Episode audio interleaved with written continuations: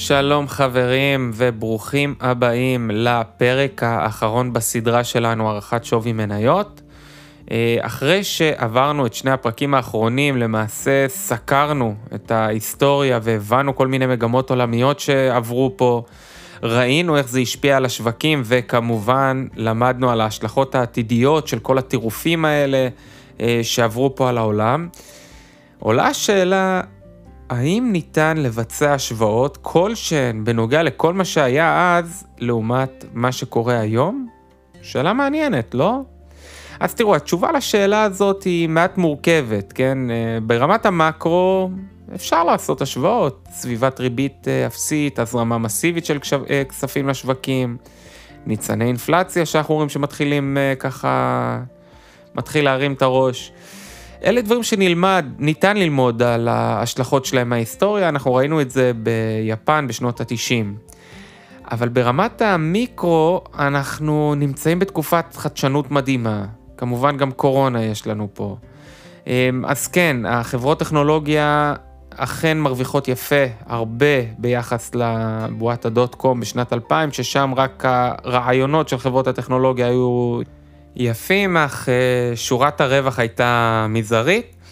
גם היום אנחנו רואים הנפקות חדשות בשיא, אנחנו רואים סבבי גיוס של משקיעים שהולכים וצוברים תאוצה, אנחנו רואים טירוף המונים, פשוטו כמשמעו סביב אה, כל העולם הזה של הקריפטו. וכאן למעשה אנחנו מגיעים לפרק האחרון שלנו בסדרה, שכל הסדרה הזאת של הערכת שווי מניות הייתה מבוססת על אה, ספר ההשקעות המעולה, הליכת אקראי בוול סטריט.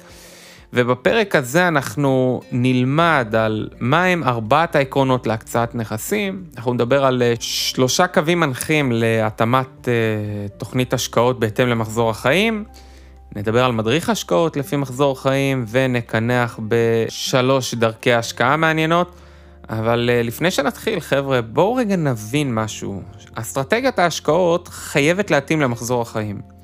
הרי משקיע בן 34 ומשקיע בן 64, ששניהם חוסכים לפרישה, צריכים להיעזר בכלים פיננסיים שונים לגמרי כדי להשיג את המטרה שלהם, כן? משקיע בן 34, אה, צעיר, אם רק עכשיו ככה ההכנסות שלו מתחילות אה, לצבור תאוצה, אה, יכול לקחת סיכונים, גם אם יהיה לו הפסדים מהשקעות מסוימים, השקעות מסוימות. עדיין הכל בסדר, יכול לספוג את ההפסדים האלה לעומת אה, בן אדם מבוגר שמסוימות, אה, והכל בסדר, גם אם יש עכשיו איזה נפילה או הפסד מההשקעות שלו, הוא יכול להתמודד עם זה. יש לו עוד מספיק שנים לעבוד ולכסות על ההפסדים הללו. ולכן כל מה ש... אה, להבדיל מהבן אדם בן 64, שהוא במקרה כזה אה, קצת יותר בבעיה, כי הוא כבר בשלב שהוא צריך את הכסף הזה שהוא חסך, ופחות אה, להשקיע אותו בדברים עם סיכון גבוה. בגלל זה עיקר ההתלבטות, כן, זה איך אנחנו מחלקים את המשאבים. כמה אנחנו משקיעים באגרות חוב, כמה במניות, כמה בנדל"ן, כמה בפקדונות, מכ"מים וכולי וכולי. אז בואו נתחיל חבר'ה עם ארבעת העקרונות להקצאת הנכסים. אז כל בסיס הגיוני לקבלת החלטות ביחס להקצאת נכסים, אנחנו צריכים אה, אה, להבין את הדברים האלה. אז הדבר הראשון, והוא הדבר שהוא די טריוויאלי, כן? ניסיון העבר מלמד שיש קשר בין סיכון ותשואה. בטח נמאס לכם כבר לשמוע שניתן להגדיל את התשואות שלכם רק על ידי נטילת סיכונים גדולים יותר, אבל אין מה לעשות, זה השיעור החשוב בניהול השקעות. זה החוק יסוד בתורת המימון, אנחנו רואים את זה במיליון מחקרים וזה, אין, אני לא יודע כמה יש פה להרחיב. בואו ניתן דוגמה קטנה, אם אנחנו מסתכלים על מניות קטנות, תשואות של מניות קטנות. ב-70 שנים האחרונות של uh, המאה ה-20, אנחנו רואים שהם עשו 12% ממוצע בשנה, והסטיית תקן שלהם בהתאם, 35%, סטיית תקן מודדת את הסיכון. סיכון אגב, במימון, בעולם ההשקעות, איך מודדים סיכון, דיברנו על זה אם אני לא טועה באחד הפרקים הקודמים. סיכון זה למעשה, אה, אה, ככל שיש לך יותר אפשרויות, יותר מנעד של אפשרויות, ככה זה מוגדר יותר מסוכן. כמו שאמרתי לכם, מה יותר מסוכן, לשחק עץ פאלי בעולם המימון, כן? לשחק עץ אופלי או לקפוץ ממטוס בלי מצנח. אז התשובה היא נכון, לשחק עץ אופלי יותר מסוכן, כי בעץ אופלי יש שתי אפשרויות שאתם יכולים לקבל, כשאתה קופץ ממצנח יש רק אפשרות אחת. אז כשאנחנו מדברים על אה, סיכון, זה אומר שלאותו השקעה יש, לאותה השקעה יש מנעד רחב של אה, אפשרויות, וככל שיש יותר אפשרויות, ככה היא יותר מסוכנת, היא יותר תנודתית, היא פחות בטוחה. אוקיי? אז אם אמרנו מניות של חברות קטנות, אה, זה מהבחינה הזאת של בשוק ההון 12% תשואה ממוצעת בשנה, 35 אחוז, הסטיית תקן. אם אנחנו הולכים לקיצון השני, השטרות תוצר של אה, ארצות הברית, הדרז'רי בילס, אנחנו רואים שזה עמד על 3.7 אחוז, וגם התנודתיות שלו בהתאם, רק על 3.4 אחוז סטיית תקן. אוקיי, אז זה אנחנו יכולים לראות את זה. אה, אנחנו תכף נדבר גם על זמן, כן, איך זה, איך זה משפיע עלינו. אה, אבל סתם, לצורך דוגמה שנתנו פה, אם ג'ורג' וושינגטון היה לוקח דולר אחד מהמשכורת הראשונה שלו כנשיא, והשקיע במניות הרגילות, כן? של ה-10% בשנה, לא ה-12 אפילו, היורשים שלו היו מיליונרים פי 7 אה, עד שנת 2002. כלומר, זה המשחק, חבר'ה. אנחנו תכף נדבר על עוד כל מיני עקרונות. אבל זה הדבר הראשון שחשוב להבין, אין ארוחות חינם, חבר'ה. סיכון גדול יותר הוא המחיר שיש לשלם בעבור תשואות נדיבות יותר.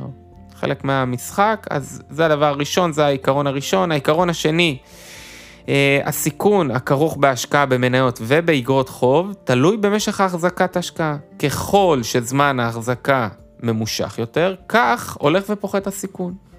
מה אמרתי עכשיו? אם אנחנו עכשיו נסתכל על אורך הנשימה שלכם, אוקיי? ככל שהוא יותר ארוך וככל שאתם מחזיקים אה, בהשקעה שלכם הרבה יותר זמן, ככה הסיכון הולך וקטן.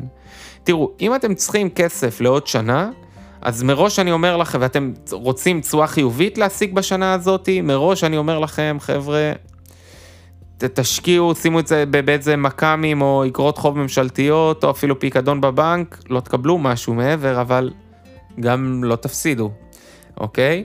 ולגבי אג"חים, אם קניתם אג"ח שהתשואה שלו אמורה להיות חמישה וחצי אחוז עד לפדיון, אם אתם מחזיקים אותו, אז זה באמת מה שתקבלו עד הפדיון. החלטתם למכור את זה ש... אה, אה, לפני, יכול להיות שתרוויחו 20 אחוז, יכול להיות שגם תהיו בהפסד. אז זה מבחינת אה, אג"חים. מבחינת מניות, התשובה היא כנ"ל. גם במניות, ככל שאנחנו נחזיק אותם יותר זמן, ככה הסיכון שלנו שאנחנו נאבד את הכסף הולך ויורד. בואו אני אתן לכם רגע דוגמה, אם אנחנו מדברים פה על מספרים. אם אתם מחזיקים לשנה, אה, אה, בואו ניקח את החמישים שנים האחרונות של המאה ה-20, אה, אם אתה מחזיק שנה בקרן ה-S&P למשל, אז או שאתה תעשה תשואה של 52 אה, אחוז, לא בדיוק S&P, כן, תשקיע במניות אפילו באופן עצמאי, או אה, הפסד של 26 אחוז. אם אתה מחזיק לחמש שנים, אז המנעד שלך, כן, אתה תעמוד או על הפסד של 2.3 אחוז עד רווח של 24 אחוז, תמיד הממוצע הוא סביב ה-10. אה, אם אתה מחזיק לעשר שנים, אז הטווח תשואות שלך יהיה או בטווח התחתון אחוז, בטווח העליון 20 אחוז, ואם אתה מחזיק את זה ל-25 שנה, הטווח התחתון שלך עומד על 8 אחוז תשואה, לשנה. כלומר, ככל שאתה מחזיק את זה הרבה יותר זמן, את ההשקעה שלך במניות, לא נוגע, לא משחק, לא מערבב, לוקח, בונה לך איזה תיק. כמובן, עושה את ההתאמות, אבל לא מסחר יומי הכוונה, כן? אנחנו מדברים פה על למעשה שאין סיכוי שתפסיד, כן? במרכאות אני אומר את זה, אה, כי תמיד יש סיכון, אבל עצם זה שאנחנו מחזיקים להרבה זמן, זה מפחית לנו את הסיכון. אה, עיקרון שלישי להשקעות, להקצאת נכסים, זה מה שקורה אצלנו היום בפנסיה. זה נקרא בשם המפוצץ של סכום קבוע, מיצוע של סכום קבוע, גם הוא אה, עשוי להפחית את הסיכונים. מה זה אומר? חבר'ה, אם אנחנו נדע לשים בכל חודש סכום קבוע של כסף, סכום קבוע, בלי קשר למצב השוק. אגב, זה מה שקורה אצלנו היום עם הפנסיות, קרנות השתלמות, שכל חודש אנחנו משקיעים גם פה, זה עוזר לנו להפחית את הסיכון. אני אתן לכם איזה דוגמה קטנה. נניח שלושה חודשים, בכל חודש אנחנו משקיעים 150 שקלים. המניה שאנחנו קונים, או הקרן שאנחנו משקיעים בה, או אה, אה, אה, סל, לא משנה, שאנחנו קונים, נע פעם אחת 75 שקל לתעודה, ואנחנו שמים הרי 150, אז קנינו שניים באותו חודש. חודש אחרי ירד ל-25, קונים, עם 150 שקלים, אנחנו גם יכולים לקנות ש... שישה חתיכות, שש חתיכות. בחודש השלישי, אם זה נניח, זה עולה 50 שקלים, שלוש חתיכות. והגענו סך הכל ל-11 חתיכות שקנינו ב-450 שקלים, כלומר, אם המחיר הממוצע היה 50, קנינו את הכל ב-41 שקל, 41 שקלים. אז אנחנו רואים פה שאם אנחנו קודם כל שומרים על זה, אנחנו כבר יכולים להפחית את הסיכון, אבל החוכמה היא פה, אה, זה הבעיה בעיקר, החיסרון העיקרי שלה, שזה בני אדם, אנחנו עומדים פה מול בני אדם בסופו של דבר. אה, אז יש לנו את הקטע הזה של פתאום עכשיו יש ירידה, והשווקים קורסים, ובהלה, ו... אז אנשים לא משקיעים. וזה הטעות פה, כן? כי דווקא ברגעים האלה זה הזמן להיכנס, ואפילו יתרה מזאת, אם יש לכם גם עוד כספים, הרי אפשר לתזמן את השוק, כן? אבל אם יש עוד כספים, מחכים לתיקון הזה, נכנסים להשקעה הזאת ברגע שיש, אה, אפילו מכניסים עוד כספים. אבל הרעיון הוא לשמור על זה, לשמור כל הזמן, להיות דבק בדבר הזה, ובטווח הרחוק, גם פה אנחנו נרוויח. אמ, עוד חיסרון שיש בסכום קבוע כל אה, חודש, אה, זה עמלות. אה, עדיף לעשות קנייה אחת מרוכזת מאשר כל פעם קטנות, אבל פה גם כן היום יש כל כך הרבה מתחרים והרבה תחרות, שהעמלות הן כבר נהיו מאוד מאוד זניחות. אבל כן, צריך לקחת את זה בחשבון, וכמו שאמרנו, המטרה העיקרית זה לשמור על הרצף, לקנות בכל חודש, לא משנה מה המחיר. זה עיקרון אחד שאפשר לעבוד איתו, כמובן, זה לא ראה וקדש, כן? אנחנו גם יכולים לעשות את זה עם סכום חד פעמי שאנחנו מקבלים כמו ירושה ולהכניס את הכל, אבל אז יש סיכון אחר, שאולי נכנסנו, שהשוק מאוד יקר ו- ובדיוק לפני תיקון. ואז ההפסד הוא יהיה גדול, ובדרך כלל אנשים כאלה שחוטפים בומבה כזאת על ההתחלה, בורחים מהשוק מהר מאוד, וחבל. אה, אז זה משהו שאנחנו צריכים לקחת אותו בחשבון.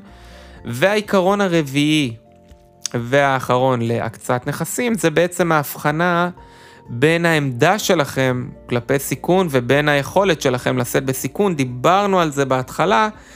אה, אה, משקיע הרי אמרנו, בוא ניקח לדוגמה עכשיו אה, בחורה, בת 64, אלמנה, שיש לה, לה כסף בצד, לא יותר מדי, אבל גם יש לה משכנתה שהיא צריכה לשלם.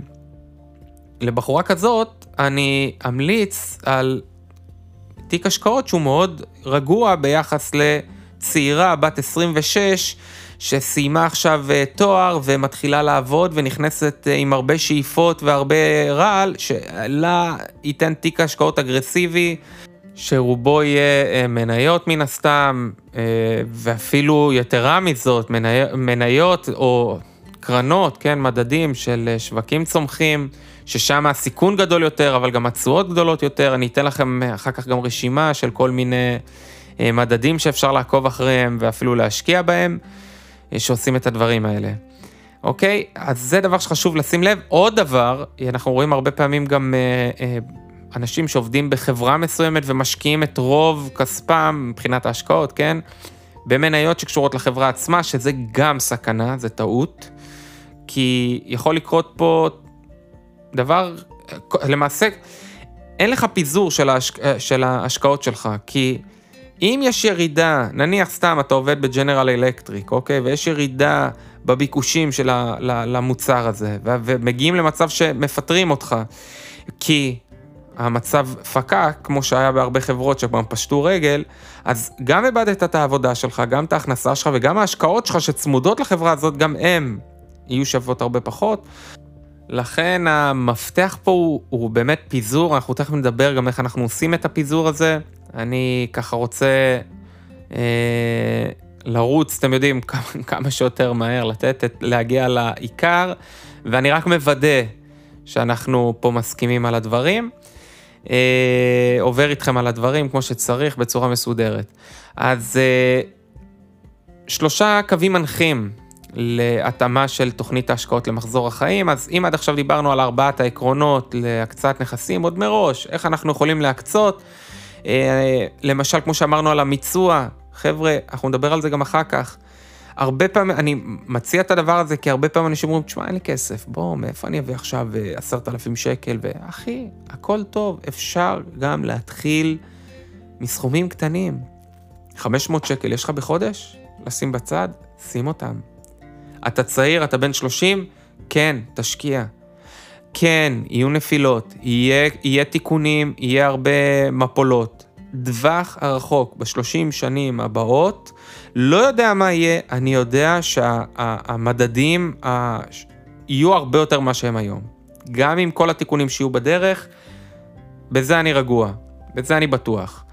אז בואו נדבר רגע על אה, שלושה קווים מנחים להתאמת תוכנית השקעה למחזור החיים. אז אה, עכשיו שהכנו את הקרקע, אנחנו נדבר על החלק הזה ונראה את המדריך ההשקעות שלנו. אה, לפי מחזור חיים, אז מה אנחנו מדברים? הדבר הראשון שאנחנו צריכים לשים לב, הקו המנחה, כן? יופי, דיברנו, אמרנו בוא נחלק פה וזה תיק אגרסיבי וההוא ככה וזה פה. אבל הדבר הראשון, שנייה, שנייה, שנייה. בוא נדבר על הצרכים הספציפיים שלך. אם, אם העקרונות עצמם שדיברנו עליהם זה משהו אובייקטיבי, כן? זה משהו ש... תשמע, הדברים האלה מוכחים שזה עובד. מרוויחים וזה עובד. אנחנו עכשיו באים ומדברים על משהו שהוא יותר סובייקטיבי, תלוי בכם. אז הדבר הראשון הוא באמת הצרכים הספציפיים שלכם. אם אתה בעוד שנה צריך שיהיה לך עכשיו 100 אלף שקל נזיל בשביל משהו שתכננת, כמו שיפוץ, כמו השקעה חדשה, כמו פתיחה של עסק, לימודים לילד, לא יודע, אתה צריך 100 אלף שקל בעוד שנה, אתה צריך לדאוג שההשקעות שלך יאפשרו לך שבאמת לא משנה מה, בעוד שנה קודם כל יהיה לך את המאה אלף האלה אה, אה, בהשקעה שהיא חסרת סיכון, לשים אותה באיזה אג"חים אה, אה, של הממשלה, דברים שהם אה, כמה שיותר מוגנים, שאתה יודע שאתה תקבל את הכסף הזה בעוד שנה. אז זה דבר חש... ראשון שחשוב להבין, מה הצרכים שלך. לכל אחד מאיתנו יש צרכים, מה הם? ואיך אתה מתכנן לספק אותם, אוקיי? אז זה הדבר הראשון, מאוד סובייקטיבי. אם דיברנו עד עכשיו על העקרונות עצמם, אז זה הדבר שצריך להתאים את זה אל העקרונות עצמם. אז הדבר השני, זה מידת הסבילות שלכם לסיכון. חבר'ה, תראו, אנחנו יכולים לדבר עד מחר, השקעות, מה השקעות. המטרה העליונה היא לא להיות מיליונר עשיר או להצליח, היא קודם כל לישון בכיף. לישון בשקט. כשאני נכנס למיטה אני הולך לישון. אם יש כאלה שיכולים לבוא לשים מיליון שקל בשוק הקריפטו וללכת לישון רגועים שיש להם מיליון ואחד, כן? הכל טוב, אני כמובן אה, לא אומר שזה מה שצריך לעשות, כן, ממש לא, אבל אה, אם זה ואתם מצליחים ללכת לישון, לכו על זה חבר'ה, לכו תעשו, אה, לכו באקסטרים, ואתם צעירים ויש לכם הכנסות טובות, אין לי בעיה. אבל לעומת זאתי, לא קריפטו, כן? ממש לא, לא על הכל, ממש ממש לא. אבל אם אתם, חבר'ה, שמספיק שאתם מוצאים את הכסף מהבנק בשביל לשים אותו באפילו אג"ח ממשלתי ואתם לא ישנים בלילה, תשארו איפה שאתם. אה, אה, או שתטפלו בעצמכם, כן? אחד מהשתיים. אבל קודם כל חשוב להבין את מידת הסבילות שלכם לסיכונים. אגב, יש לי שאלון נחמד, מי שרוצה יכול לשלוח לי מייל, אני אעביר לכם אותו. אה, שבעצם יכול לבוא ולראות איפה אתם, איפה אתם במנעד אה, האגרסיבי או הפסיבי. אה, והדבר השלישי, כמו שאמרנו, שזה גם כן די סובייקטיבי, כל עוד אתם משקיעים בסכומים גבוהים, קבועים, כן? לא משנה אם זה קטן, גדול או, או מה הסכום, זה משתלם בסוף. אבל המטרה היא כל הזמן להשקיע. יש לכם כספים פנויים שאתם באמת יודעים שאתם יכולים להשקיע אותם, שימו. אל תחכו שיהיה לכם 50 אלף דולר כדי להתחיל לשחק את משחק ההשקעות, ממש לא, ההפך. הזמן לעשות טעויות זה עם הכסף הקטן, הזמן ללמוד זה עם הכסף הקטן. אבל תעשו את זה, אוקיי? אמ, כי גם אנחנו יכולים לראות פה סתם חיסכון של 100 דולר בחודש שצובר 8% ריבית, ש... ו... ואתה מפקיד כל חודש אחרי 30 שנים, ב...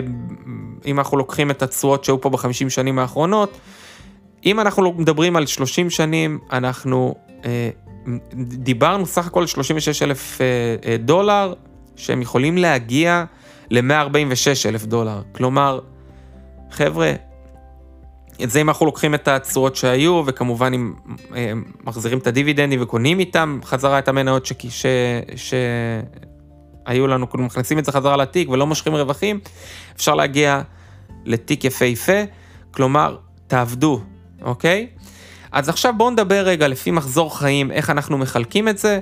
אז כמו שאמרנו, אם אנחנו מדברים על חבר'ה צעירים, אה, אז אה, מן הסתם יותר מרכיב של מניות, אפילו מניות צמיחה, לשים חלק של אמרנו עד עשרה אחוז אפילו ב, ב, בעולם הקריפטו, חמישים אחוז אם לא יותר, אפילו שישים אחוז במניות, עשרים אחוז באג"חים, אה, קצת מזומנים, קרנות נדל"ן אפשר להשקיע.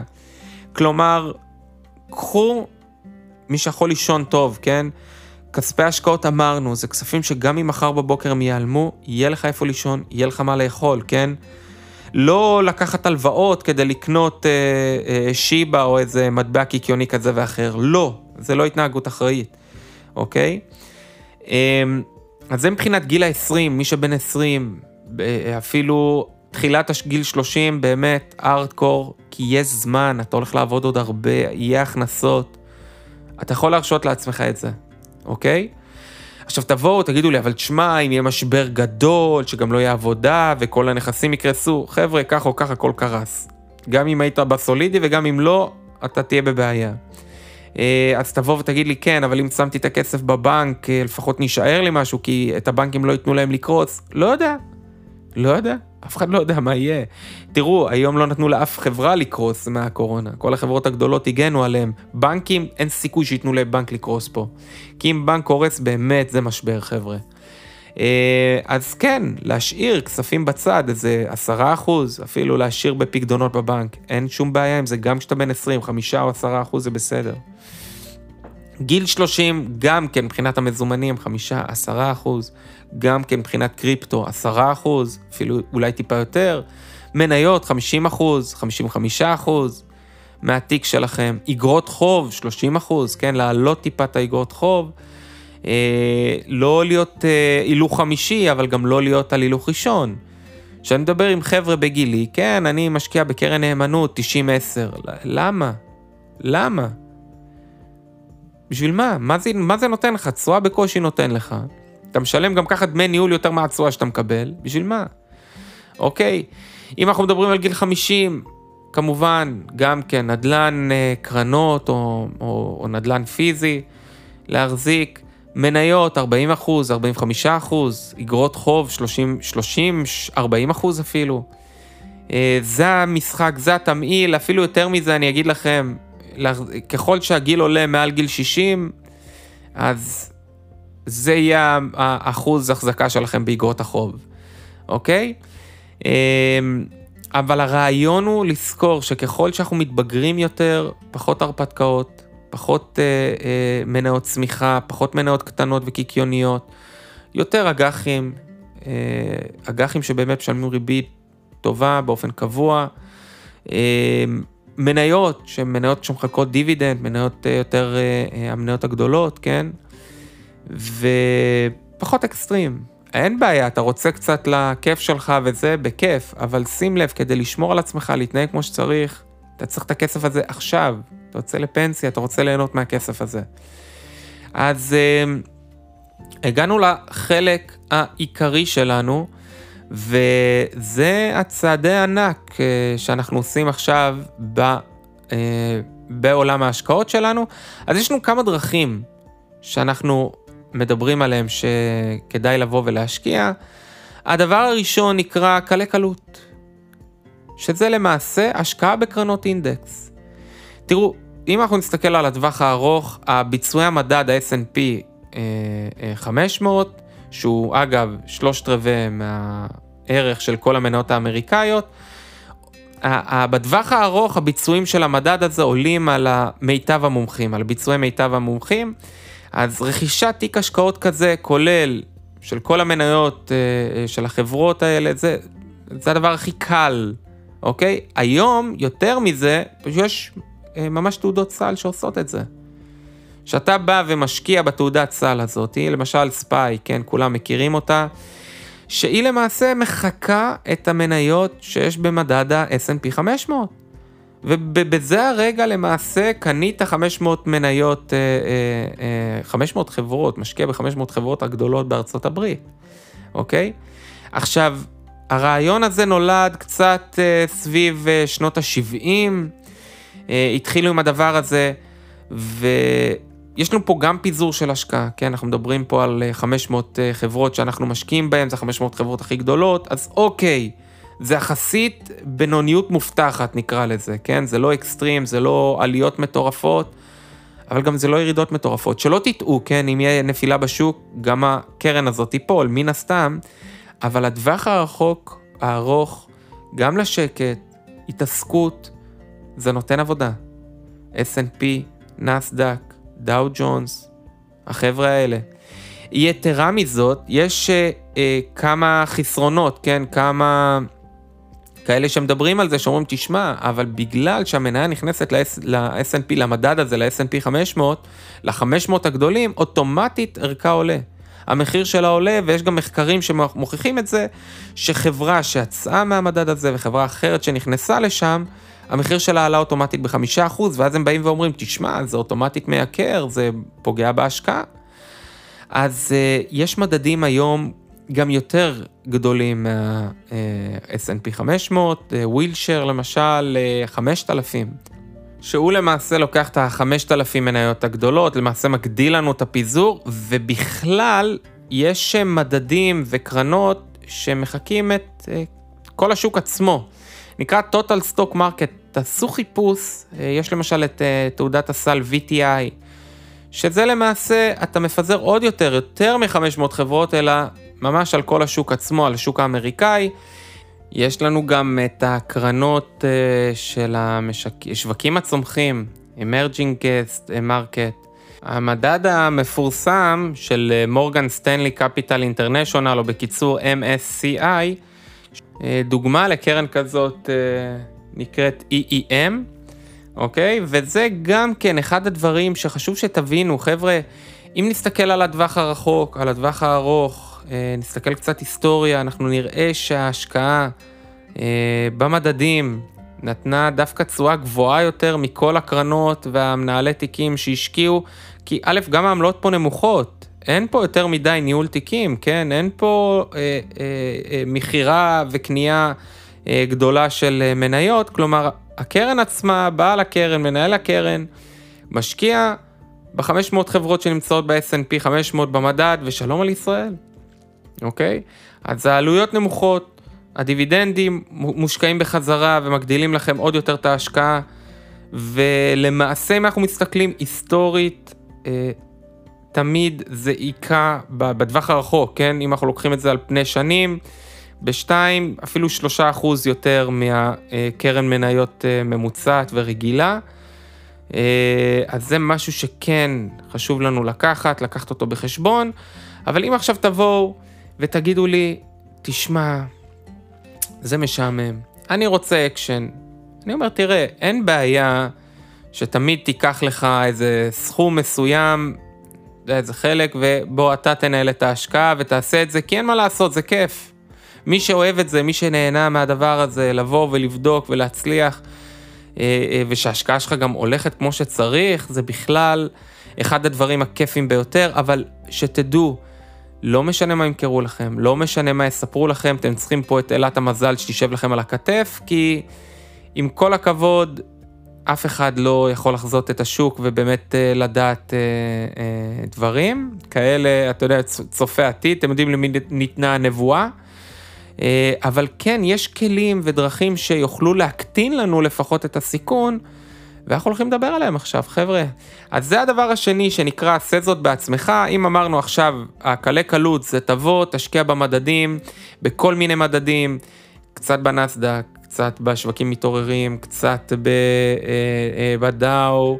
וכולי וכולי, בכל מיני מדינות, תקנה את המדדים שלהם, ממש תפזר את הסיכונים שלך כמה שאפשר. תבוא ותגיד לי, תשמע, זה משעמם, אני רוצה קצת אקשן, אז זה החלק השני, זה עשה זאת בעצמך. ואני רוצה רגע, אה, קודם כל מבחינת קריאה כמובן, צריכים, אה, אה, מי שנכנס לדבר הזה, לעשה זאת בעצמך, חבר'ה, זה עבודה.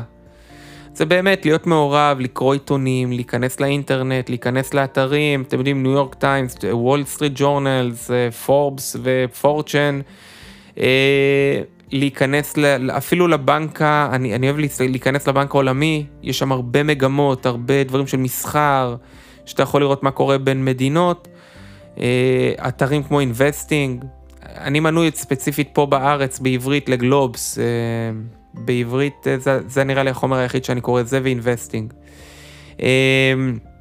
אז כלל הראשון, חבר'ה, ואני חושב שדיברנו על זה גם כן, אבל הכלל הראשון, אם אנחנו באים ועושים את זה, עשה זאת בעצמך, אז תחפשו תמיד מניות, חבר'ה, שהצמיחה ברווחים שלהם צפויה להיות גבוהה מהממוצע, שאני אומר ממוצע של השוק, זה הכוונה S&P, אם, אם, אם אנחנו פה בארץ זה של תל אביב 100, 120, 135, ארצות הברית אה, אה, S&P 500, אז תמיד שהוא יהיה גבוה מהממוצע, אם אנחנו יכולים לצפות את זה לפחות לחמש שנים, אז נכון, המלאכה הזאת היא מאוד קשה, אבל שם המשחק פה זה בחירת מניה שהרווחים שלה גדלים.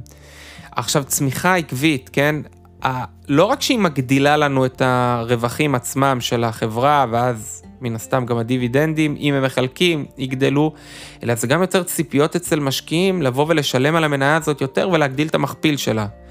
ואז הרווח פה כפול ומכופל, חבר'ה, וזה המפתח, אוקיי? זה הדבר הראשון והכי חשוב למעשה, למצוא חברות צמיחה, כאלה שבאמת יצליחו להחזיק את זה במשך הרבה שנים, זה לא פשוט.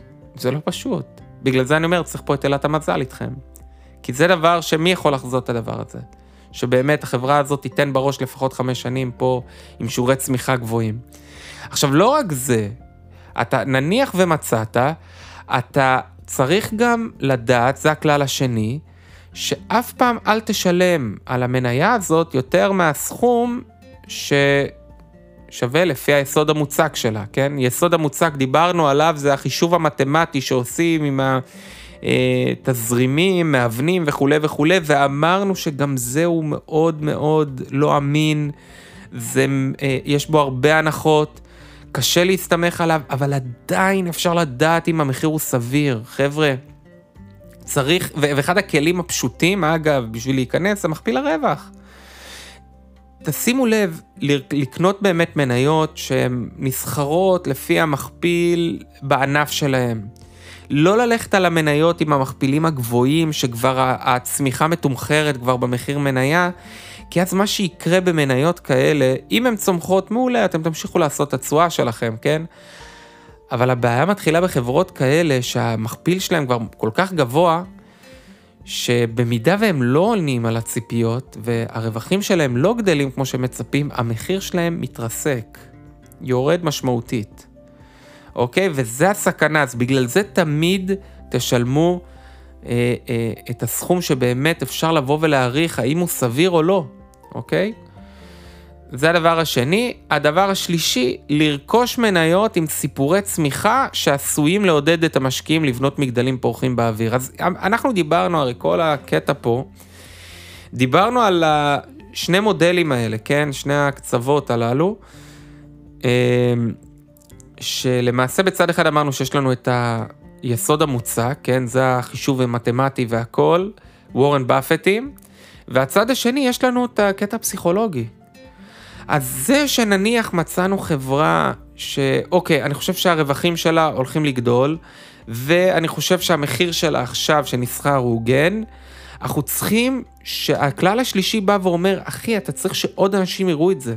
אתה צריך שזה יקסום לאנשים, שזה ירגש, שזה באמת יגרום לעוד אנשים לבוא ולהגיד, וואו, זה מעניין, אני רוצה להיכנס לדבר הזה. לא רק לאנשים, למוסדיים, כן? שהסיפור של המניה, הסיפור של החברה הוא באמת כזה שיגרום לך לבוא ולהגיד, שווה, לה, שווה להיכנס לדבר הזה, אוקיי? אבל, שוב פעם, אה, אה, שיישען כמובן, כמו שאמרנו, על היסוד המוצק. אז חבר'ה, דיברנו, הכלל הראשון אמרנו שהוא אה, מניות צמיחה, חבר'ה, מניות שבאמת הולכות לצמוח עם מה שאתם רוצים, אם אתם רוצים לעשות את זה בעצמכם. הדבר השני, אה, מחיר הוגן. הדבר השלישי, סיפור צמיחה יפה, ככה שיגרום אה, אה, לאנשים בקלות לבנות על זה מגדלים באוויר. והדבר הרביעי, לבצע כמה שפחות פעולות מסחר, חבר'ה. הרבה עמלות, הרבה מיסים שתשלמו, כי ברגע שאתה מוכר אתה צריך לשלם רווחון. ובדרך כלל אמרנו, מי שבא ומתעסק בכל המסחר היומי והדברים האלה, אין, אין בזה באמת רווח. אז אה, לגבי הפעולות מסחר המעטות, שימו לב, אני לא מדבר על אה, אה, יש השקעה מפסידה, בואו לא נמכור אותה. אם יש משהו שהוא מפסיד, השקעה שהיא מפסידה ואני לא מאמין בה שהיא תצמח, אני נוהג למכור אותם לפני סוף השנה, ממש בימים האלה של הקלטת הפודקאסט. אה, אהבתי כמה השקעות ש... הן לא, לא רווחיות מהסיבה שיש לי הפסד הון עכשיו שאני יכול לקזז אותו מול רווחים לקראת סוף השנה, ויש לי איזה הטבת מס. אם אני צופה שבאמת הדבר הזה הולך לעלות ולהמריא, חד משמעית אה, אה, אפילו משאיר אותו. עכשיו שימו לב, גם אם אנחנו נעזרים בכללים האלה, הסיכוי עדיין להביס את השוק הוא לא גדול, כן? בטח ובטח אם המשקיעים עצמם הם לא מקצועיים. אה, אנחנו יודעים שלא תמיד אפשר לפתוח בכל הרווחים שחברות מציגות, ראינו את זה שהיה לנו כל מיני הונאות, אה, כמו חברת אנרון, היה לנו עוד הרבה חברות כאלה שעשו את זה, גם פה בארץ אנחנו רואים את זה. אה, בנוסף, סיפורים שמגיעים לעיתונות, כבר עד שהם מגיעים לעיתונות, כבר השוק לקח את זה בחשבון והמחירים באים בהתאם. בגלל זה באמת להצליח להכות את השוק או, או, או לעשות את הדברים האלה, זה מצריך הרבה עבודה, הרבה ללמוד נתונים, לגבש החלטה, לנסות את הדברים לאט לאט, אבל בשורה התחתונה, אני מאחל לכם שתצליחו ותיתנו בראש, כן, ותעשו חיל, אבל אני יודע שמי שמנצח במשחק הזה, הרבה פעמים צריך להגיד תודה לאלת המזל, כמו שאמרנו, אבל למרות כל הסיכונים האלה, זה דבר מרתק. אין אפס, לבחור מניה בודדת, אה, מניות בודדות, להשקיע בהם, זה באמת משחק מרתק. ואני מאמין שהכללים האלה שדיברנו עליהם עכשיו באמת יסייעו לכם אה, אה, לעטות את הכף לטובתכם, אוקיי? אז אה, אנחנו מגיעים עכשיו לשחקן המחליף. אז אמרנו, אם יש לנו את הקלי קלות, שזה ללכת על האינדקסים, כן? כל המדדים עצמם. אה, אחר כך דיברנו על עשה זאת בעצמך, אנחנו עכשיו מגיעים לאפשרות השלישית, שזה שחקן מחליף. למעשה לקחת מישהו מקצועי, יועץ השקעות, אה, קרנות השקעה, כן, יש לנו פה בארץ כל ההראל, אלטשולרים, מור וכולי וכולי, שחביבי, קח כסף, בוא תתחיל לעבוד, אה, יש לא מעט כאלה, אפשר לעשות כל מיני מסלולים, יש סוכנים היום שיכולים לעזור לכם, ללוות אתכם בכל התהליך של הפתיחת תיקים וקופות גמל להשקעה וכולי וכולי, ילוו אתכם, יבנו לכם את התיק. אבל חשוב שתבינו, חבר'ה, מנהלי הקרנות, תוציאו את וורן באפט ועוד כמה כאלה גדולים, מעטים שהצליחו להציג תוצאות שהיכו את, את השוק לאורך זמן. מעטים מאוד, קחו את זה בחשבון, תקראו את הפרסומים שלהם בהרבה הרבה תחפשו את הכוכביות, כן? אה, יכולים לרשום לכם כמה שנים טובות שהם עושים את זה ומכים את השוק, בפועל התכוונו למשהו אחר לגמרי. אה, אז אל תלכו ככה שולל אחרי הדברים האלה, באמת תבדקו, תשאלו אנשים, אה, ומי יודע, אולי זה גם כן יכול להיות הדרך שתתאים לכם, כל אחד והדרך שלו, אבל אלה האסטרטגיות, אלה הדברים. אז על מה דיברנו היום, חבר'ה? אנחנו דיברנו, התחלנו את התהליך, דיברנו על ארבעת העקרונות להקצאת נכסים, נכון? דיברנו על הקשר בין הסיכון ותשואה, דיברנו על משך זמן, להחזיק הרבה, דיברנו על הדעת לעשות הפקדות קבועות לתוך ההשקעות שלנו, על היכולת שלנו לסיכון, כן, כי אמרנו, איך בן אדם בן 60 ובן אדם בן 30, לבן אדם בן 30 יש לו הרבה יותר אפשרויות השקעה, לעומת הבן אדם בן 60 שעכשיו צריך את הכסף כמה שיותר קרוב אליו. אז זה ארבעת העקרונות, אחר כך דיברנו על אה, קווים מנחים להתאמת תוכנית השקעות, שפה דיברנו שזה דברים שהם יותר סובייקטיביים, כמו צרכים ספציפיים שיש לכם, מה אתם רוצים, בשביל מה אתם צריכים את הכסף, כן? אה, מידת הסיבולת שלכם לסיכון, איך אתם מתמודדים עם סיכונים, והדבר האחרון שדיברנו על כל הזמן להשקיע אה, כספים, להעביר כספים באופן קבוע, זה משתלם בסוף. אה, דיברנו על מדריך השקעות לפי מחזור חיים, אה, אמרנו שככל שאתה יותר צעיר, השקעות שהן יותר אגרסיביות. אה, שווקים צומחים, מניות, מניות צמיחה, מניות של חברות קטנות, נדל"ן, קריפטו, וככל שאתה גדל, ללכת על השקעות יותר יציבות, יותר בטוחות, יותר רגועות, אמרנו, יותר, אם, אם זה מניות בלו צ'יפ, כן, המניות הגדולות שמחלקות דיבידנדים, אג"חים, אה, פחות אה, מניות אה, צמיחה ופחות משקים, שווקים צומחים.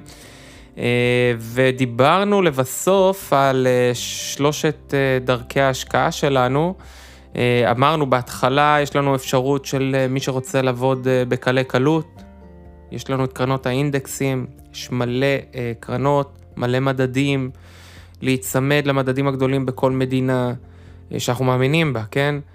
אה, מדדים של אה, שווקים צומחים וכולי וכולי, אה, שזה למעשה הדרך הקלה, הדרך הבטוחה, לטווח הרחוק זה הדרך הבטוחה.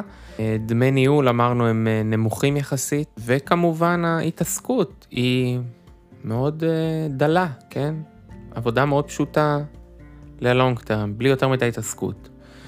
אמרנו, אם זה משעמם, אפשר לעבור, אמרנו, לשלב הבא, אפילו לקחת חלק קטן מהסכום ולעשות זאת בעצמך. דיברנו על הכללים שכן יכולים להגדיל את הסיכויים שאנחנו נהיה בצד המנצח, אבל כמו שאמרנו, צריך להיות זהירים בדרך הזאתי, כי בסופו של דבר הנבואה ניתנה לשוטים.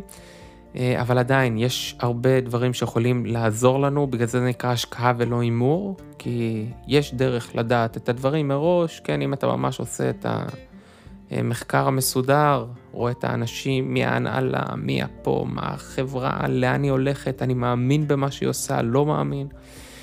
אה, תורה שלמה.